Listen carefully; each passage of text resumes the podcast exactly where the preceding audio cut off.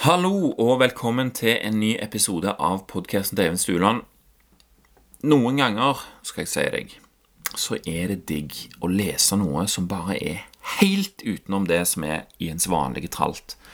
Og den boka som passer den beskrivelsen best av de bøkene jeg har lest det siste året, det er nødt for å være Worlds in Collision av eh, Ivanov Velukovskij.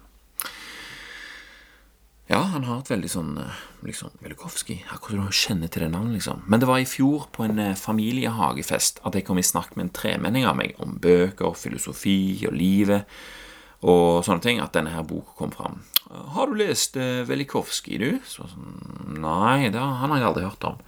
Men jeg tenkte at det var en eller annen sånn filosof eller forfatter som jeg burde vite om, sant? for sånn høres jo navnet ut.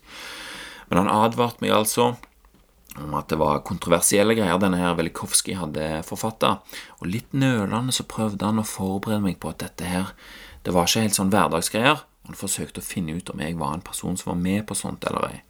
Han sa òg at det som sto i denne boka, var helt noe annet enn hva vi ellers er vant til å høre om. Eh, at det ikke er helt mainstream, liksom, men at argumentene til Velikovskij de var så gode at det hele allikevel endte opp med å gi god mening.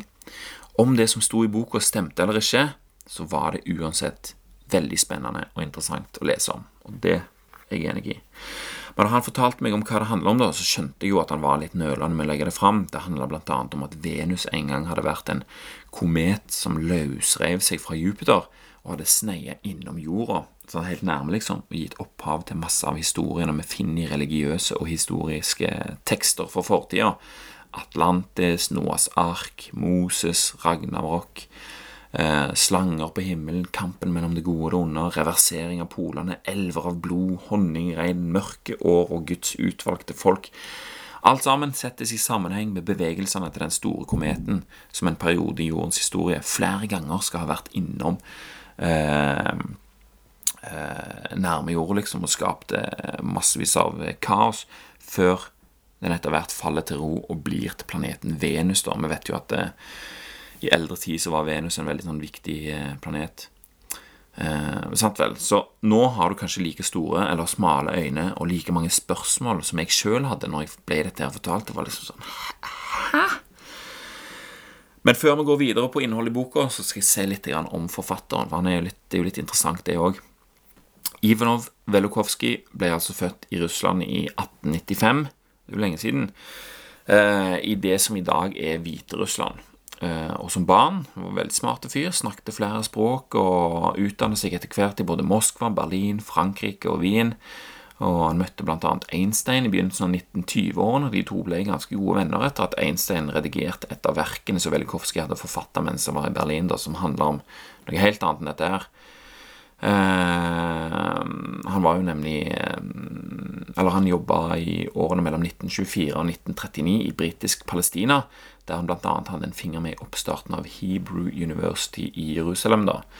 Han praktiserte som psykolog og psykoanalyst, og han hadde studert psykoanalyse i Wien under en elev av Freud, sånt, så det var jo dette som var inn i tiden. Men eh, i 1939 så reiste han altså til New York og bare noen uker senere så starta altså andre verdenskrig, og det gjorde at han ble værende i eh, USA resten av livet. Og meninga var at han, at han, skulle være i New York et års tid, eh, som han skulle bruke på å gjøre research på en bok som han ville skrive. Ødipus Ødipus, Ødipus og Akhenaton. Akhenaton. Og det den boka her skulle gjøre, han skulle utforske muligheten om at den egyptiske faraoen Akhenaton Akhenaton Akhenaton Jeg vet ikke hvordan du sier det. Akhenaton, sier jeg bare. At han faktisk var den legendariske Ødipus. Og dette var inspirert av Freud sin teori om at det var Akhenaton, en monoteistisk egyptisk farao, altså en egyptisk farao med én gud, liksom. At det var han som var opphavet til de religiøse prinsippene som Moses lærte det israelske folk i ørkenen. Og Freud blant andre mente at salme nummer 104 i Bibelen var til forveksling lik en egyptisk hymne som var hogga inn i veggen i Akenatons egen generals gravkammer i Akenatons hjemby Aketaten. Dette her brydde de seg om. Velikovskij ville motbevise Freud, samtidig som han ville bevise at Exodus, altså andre Mosebok, var forfatta i egyptiske papyruser i tillegg til Bibelen. Og han fant både Exodus og flere andre historier som var beskrevet i Bibelen, i Ipuver-papyrusen.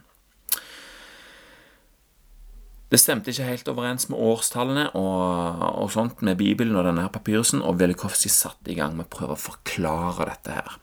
Og dermed så var Velikovskij falt ned i sitt dype kaninhull, som han da forblei i resten av livet, på både godt og vondt.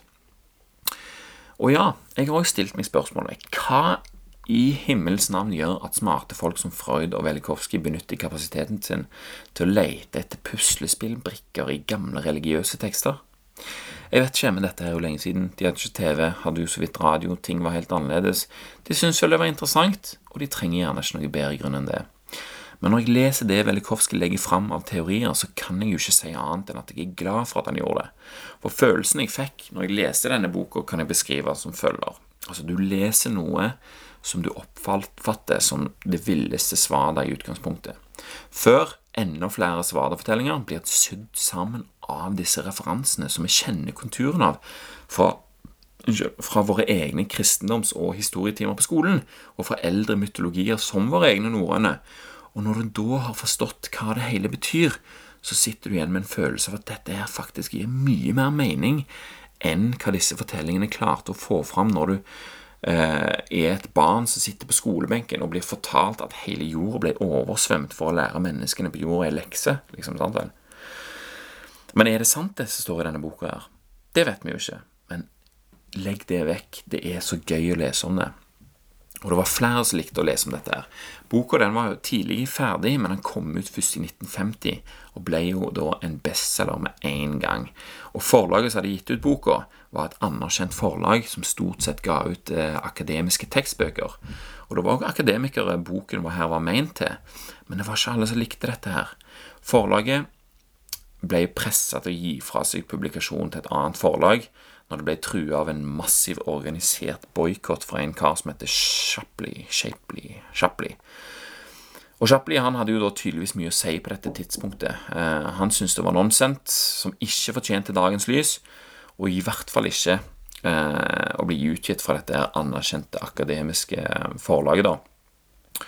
Så han jobbet jo imot dette. her. Men Nonsense eller ei, boka ble en bestselger, og det ble òg de påfølgende Ages in Chaos og Earth in Upheaval. Eh, så de neste bøkene om dette her handler om eh, heter. De har jeg ikke lest ennå, men Ages of Chaos den ligger i hylla mi iallfall, så den skal jeg komme til. Men så, utgivelsen og kontroversene som fulgte, eh, førte til at Velikovskij han ble jo da en sånn såkalt persona non grata på universiteter gjennom hele 50-tallet og starten på 60-tallet. Det var ingen som ville ha med han å gjøre. Men etter det så begynte forespørslene å renne inn, og han foreleste på, for eh, rekordstore publikum på universiteter i store deler av Amerika og Europa. Og hele den siste delen av livet sitt brukte han mye tid på å motbevise sine akademiske kritikere, samtidig som han da foreleste i USA og Europa Eh, for det meste. Men òg eh, i India og overalt, egentlig. Og det kom to bøker til i serien Ages in Chaos før han da døde i 1979. Og det var det for Velikovskij sin del. Han havna inn på dette her temaet, og det liksom ble hele resten av livet hans. Han brukte veldig mye tid på å mm, snakke om dette, forsvare seg og utdype det som han hadde eh, kommet fram til, da. Mm. Måtte bare ta meg en god slurk med kaffe. Men så, så, det var litt om, om Velikovskij, da. Og en av de tingene som han gjorde som var så annerledes enn alt det andre, var at han la fram sagn og religiøse fortellinger som bevis, eller som ledetråd for bevis for tidligere katastrofer og planeters bevegelser. Og dette her, det funker jo ikke for akademikerne. Det blir jo altfor uh, lite håndfast. Men for leserne så var det likevel kjempegreier. Og jeg kan lett forstå hvorfor. Altså, hør bare på dette. Bare sånn lite kort om hva, hva som står. Altså rundt 1500 år før vår nåværende æra, da, sant? altså 1500 før vår tidsregning, så skal en stor bit eh, ha løsrevet seg fra Jupiter og blitt slynga ut i rommet. Og denne kometen, med en brennende hale, skal da ha passert jorda og skapt et kaos uten sidestykke. Den store kometen skal ha endra jordens bane og tilt, som igjen førte med seg enda flere enorme katastrofer over hele planeten. Og her kommer altså de religiøse tekstene på løpende bånd. Eh, og de var så Altså for å si det sånn, europeiske prester som kom til Amerika, når de begynte å snakke med de indianerne som bodde der i den nye verden, så konkluderte prestene med at dette her måtte være en eldgammel utvandrergruppe med jøder fra Europa som delte den samme religiøse eh, historien som de som var blitt igjen. Sant? Altså Det var lettere å forklare det på den måten enn at både indianerne i Amerika og jødene i Europa hadde opplevd det samme. Er du med på tanken? Så hva var det da som skjedde når denne kometen her kom forbi? Se for deg f.eks månens tyngdekraft. Sant? Den har jo en bevegelse på vann på jorda, sant? tidevannet. Månen er jo relativt liten. Og så kan du se for deg at denne her store kometen, som faktisk var på størrelse med jorda sjøl, passerte relativt nærme og dro jordens vann til seg.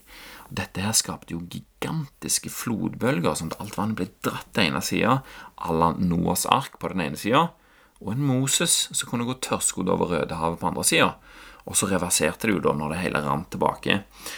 Elver av blod og brennende regn, som er beskrevet flere plasser i um, sånne tekster, det kommer jo da fra kometen sin hale av jernoksid, som drepte folk og fe. når det, Dette dalte jo ned fra himmelen og brant eh, huden til den som det traff, og så la han seg i terrenget og løste seg opp i vann, som da ga blodfarge på elver og innsjøer. Og kanskje er det òg opphavet til navnet på Rødehavet? Kanskje, vet jeg ikke. Samtidig så påvirka jo da eh, Samtidig så var det helt kaos i alt det som normalt var på jordkloden. Sånn, sånne ting som vi tar som for gitt. Sånn. Tidevann er en av de tingene, men òg tyngdekraften. Så det var jo ikke bare vann, men òg folk og objekter som ble påvirket av tyngdekraften til denne kometen som ble eh, passerte. Og I flere tekster så står det om at folk opplevde at de ble løfta av ei usynlig kraft, og hele jorda rista. Eh, og lagde da en enorm lyd som, eh, som, er beskrevet som Eller som er beskrevet over hele verden. da, Og folk beskrev det òg som om det hørtes ut som at jordkloden, hele jordkloden stønna, liksom.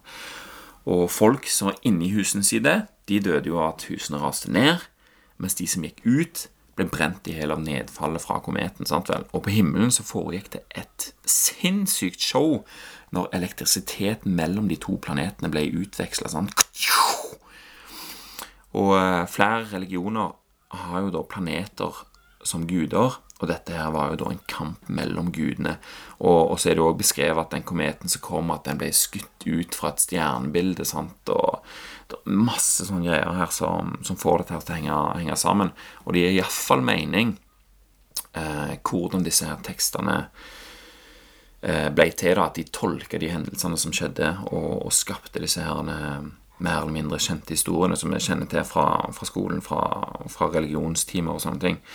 Men uansett, denne her utveksling av elektrisitet, og det òg lagde jo en sinnssyk lyd eh, sammen med endringen av, eh, av, eh, bevegelsen til jorda, så hørtes det liksom ut som jorda stønna, og det bråkte noe helt sinnssykt. Sånn, trompeter som vi har hørt om i, som rev ned Babylon og sånne ting. Alt dette her blir bundet sammen, da.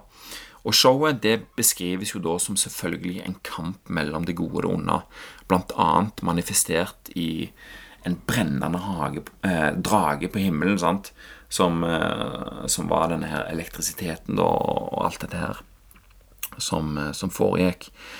Og, og, da begynte jeg å tenke sånn Hvordan kan det ha seg at både Eller jeg har tenkt på det mange ganger tidligere, helt fra jeg var liten, faktisk, at i både Kina og i vikingene sin kultur så fins det drager, et vesen som aldri har levd. sant? Og i alle kulturer så finner du jo drager og slanger og, og den typen liksom mer eller mindre Hva skal du kalle det? Fantasifigurer. Men kan dette her òg stamme fra denne hendelsen? her, sant? Altså skjønner du, Det går veldig mange sånne tanker gjennom hodet når du leser denne boka. her, Og det trenger ikke å være sant for å være fascinerende. Faktisk vil jeg anbefale at når en leser Worlds in Collision, så vil jeg påstå at en har mest ut at en får mest ut av å bare la seg fortelle det som står der, som en fortelling, uten å eh, voldsomme kritiske eh, tenkning der, bare sånn at du får opplevd den historien som blir fortalt, da. For det er Altså, hvis du lar det rive med, så er det bare helt sånn wow.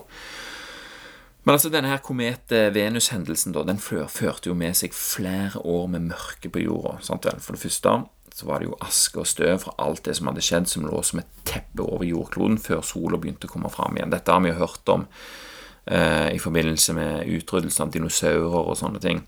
Men er det dette som skjedde i mindre skala, og er det dette vikingene eller forfedrene til vikingene opplevde, og vikingene var så redde for at det skulle skje igjen når de satt i skogen og lurte på om Fenrisulven skulle klare å sluke solen sant, eh, på vintersolverv og gi tre år med vinter. Jeg vet ikke. Men 52 år senere så var altså Venus igjen på en visitt og skapte lignende hendelser etter en runde i solsystemet. Og disse her 52 årene de finner vi igjen i flere kalendere og sagn fra gamle sivilisasjoner, bl.a. i Sør-Amerika. Og hvert 52, eh, hvert 52. år så var det altså fare for gjentagelse av eh, disse forferdelige hendelsene. Og dette var jo folk naturligvis redde for. Og så dette er liksom sånn Du hører om at, eh, at eh, Du kan jo tenke deg du, du blir født, sant? og så vokser du opp, så blir du sånn 30 år, så forteller de sånn Ja, rett før du blir født, skjedde det en enorme ting her, og alt gikk i kaos, liksom. Og nå er det den Snart har det gått 52 år igjen, og da kommer kanskje det tilbake, liksom. Sant? Alle var jo venter jo på dette her, og mm, var nervøse for at det skulle skje ragnarok, eller jordens undergang, som dette ble beskrevet som igjen, da. Eh, og dette finner vi igjen i mange forskjellige kalendere rundt omkring på jorda. Eh, men det som òg skjedde når denne kometen for forbi, var jo det at lengden på månen og lengden på året forandrer seg, og de magnetiske polene og jordens posisjon beveger seg. For ja, det fins jo tropiske fossiler på Svalbard, f.eks., og det er jo ingen hemmelighet at polene har skifta eh, flere ganger gjennom jordens historie. Kan dette være årsaken? Og rundt omkring i verden så var det jo noen steder etter dette hadde skjedd, der de fikk liksom evig dag, eller de hadde dag i, i, i flere dager, da, for eh, eh, Fordi at jordens gravitasjon eh, stoppte i noen dager, liksom Nei, gravitasjon, sier Jordens eh, rotasjon stoppet i noen dager når kraften fra kometen påvirka jordens eh, rotasjon. da. Så For noen så ble det jo dag i mange dager, for andre så var det jo natt i mange dager. Noen hadde skumring i mange dager, og, og i boka er det beskrevet flere sånne eh, fortellinger fra rundt omkring i verden da, hvordan, dette her ble, eh, hvordan dette her opplevdes for de som bodde på de forskjellige plassene. Eh, og vi kan jo prøve å se for oss òg hva som skjer når rotasjonen til jorda blir bremsa. For inni jorda, jorda er jo flytende inni, og tregheten i den flytende indre delen den sørger jo for en enorme friksjon under jordskorpa, som da, prøv, som da sto stille, sant, som var påvirka av uh, tyngdekraften til, til, denne kometen. Og folk flykta jo fra brennende lava som velta fram fra åpninger i jorda, og, uh, og overalt, egentlig. Og de prøvde kanskje å redde seg fra varmen i innsjøer og hav bare for så å bli kokt sant, i det varme vannet, som òg var prega av nærkontakten med lava. Så altså Bare se for deg dette her, hva slags kaos som var. Altså Vannet forsvant, og eh, det regna blod, liksom, og folk brant seg, og det ble kokt, og alt sammen. Bare se for deg hvordan dette her var, og se for deg oss øh, hvor faktisk dritskummelt det var. Alle rundt deg dør, og liksom hvordan skal du overleve alt det der? Og alle disse fenomenene her, det står det mer eller mindre om i flere av disse gamle tekstene fra både Finland, Island, India, Mexico, Kina, Indonesia osv. osv. Uh, så det er jo ikke rart at folk liksom uh, prøvde å huske dette og skrive det ned. Men det er heller ikke så veldig rart at det ble en fjern tanke etter hvert så det ble lenge siden det skjedde, for det er vanskelig å se for seg at noe sånt skal skje. Når, jeg kikker ut vinduet her og ser på fjellene og fjorden og trær og skyer og alt sammen, så er det jo så harmonisk. Og um, hvis noe sånt skulle skjedd, og alt sammen ble snudd på hodet, så er det jo klart at uh, det er noe som, uh, som husker en stund, for å si det sånn, da. Men uansett Eh, senere i boka så står det òg om at Mars òg skal ha vært ute på tur og sveipe innom i nabolaget og skapt eh, bl.a. disse her mønstrene på Mars og vulkanene på månen og bla, bla, bla. Jeg skal ikke gå for mye inn på dette, for det blir litt for mye. Men eh, etter hvert så stabiliserer solsystemet seg, og planetene ble da værende i deres nåværende baner og posisjon, posisjoner i forhold til hverandre. Og det er òg det som eh, gjorde det så vanskelig å forklare mange av disse gamle tekstene, siden både år og måneder og planeters posisjoner, og òg eh, hvor de sto opp i forhold til himmelen. Eh, hvis, hvis, de magnetiske polene har skifta sider, sånn, sånn, så vil jo det se at Venus og sola sto opp på feil side i forhold til hverandre. Alt sånt så det er Masse greier står om det, men det står òg veldig godt forklart i boka. Så disse katastrofene da, som, som oppsto, er jo alle nedskrevet og huska av folk over hele verden i form av religioner, sagn, myter og kulturer. Men Velikovskij han la det fram som en psykoanalyst, og han var jo det, og han mente at folk led av det som kalles for kulturell amnesi, der virkelige hendelser gikk over i å bli gamle myter og legender og sånt etter hvert. Eh, og disse her mytene og legendene de fikk jo en, en, annen type betydning etter hvert som det ble for fjernt å tenke at det som ble beskrevet, faktisk har skjedd. Det jo, det jo uh, Dette må være en fortelling som beskriver noe som vi skal lære, f.eks. Altså, det blir for fjernt.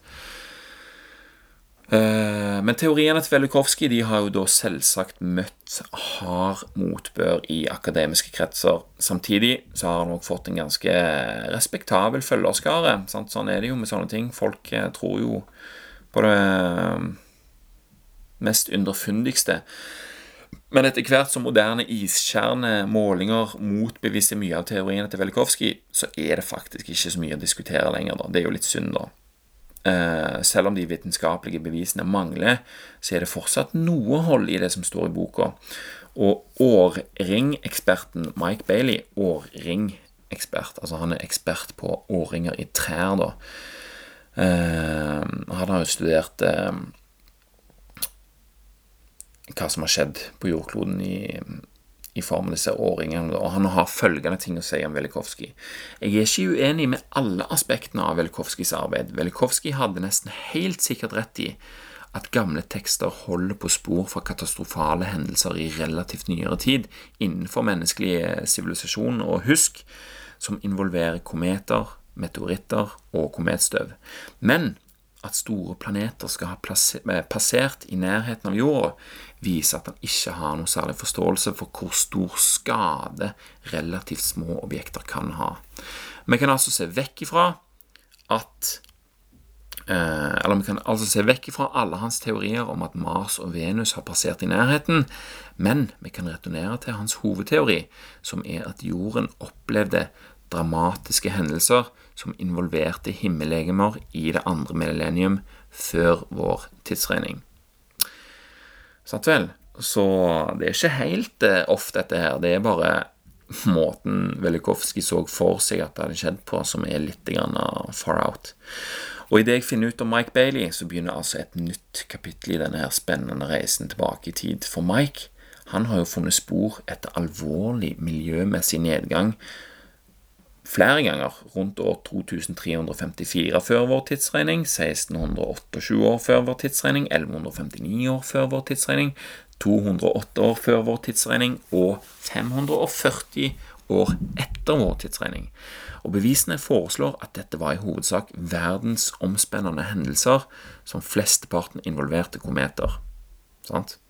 Og Mange av disse hendelsene samsvarer med kollaps av sivilisasjoner og andre viktige hendelser i verdenshistorien. Og den siste, i år 540, sies å ha innviet den mørke middelalderen i Europa. Sant vel, så vi er jo ikke helt eh, ferdige med dette. her. Det var egentlig ganske digg når jeg skulle, eh, skulle skrive om dette. Så fant jeg ut om han eh, Mike Bailey. For da var det liksom sånn Oh, Velikovskij, dette her var sykt spennende. Men så fant jeg ut at det kanskje ikke var så rett likevel. Men så kommer Mike Bailey og sier at oh, ja, det var kanskje så rett, men det er andre ting her som vi kan studere videre, som er kanskje, eller sikkert, like spennende.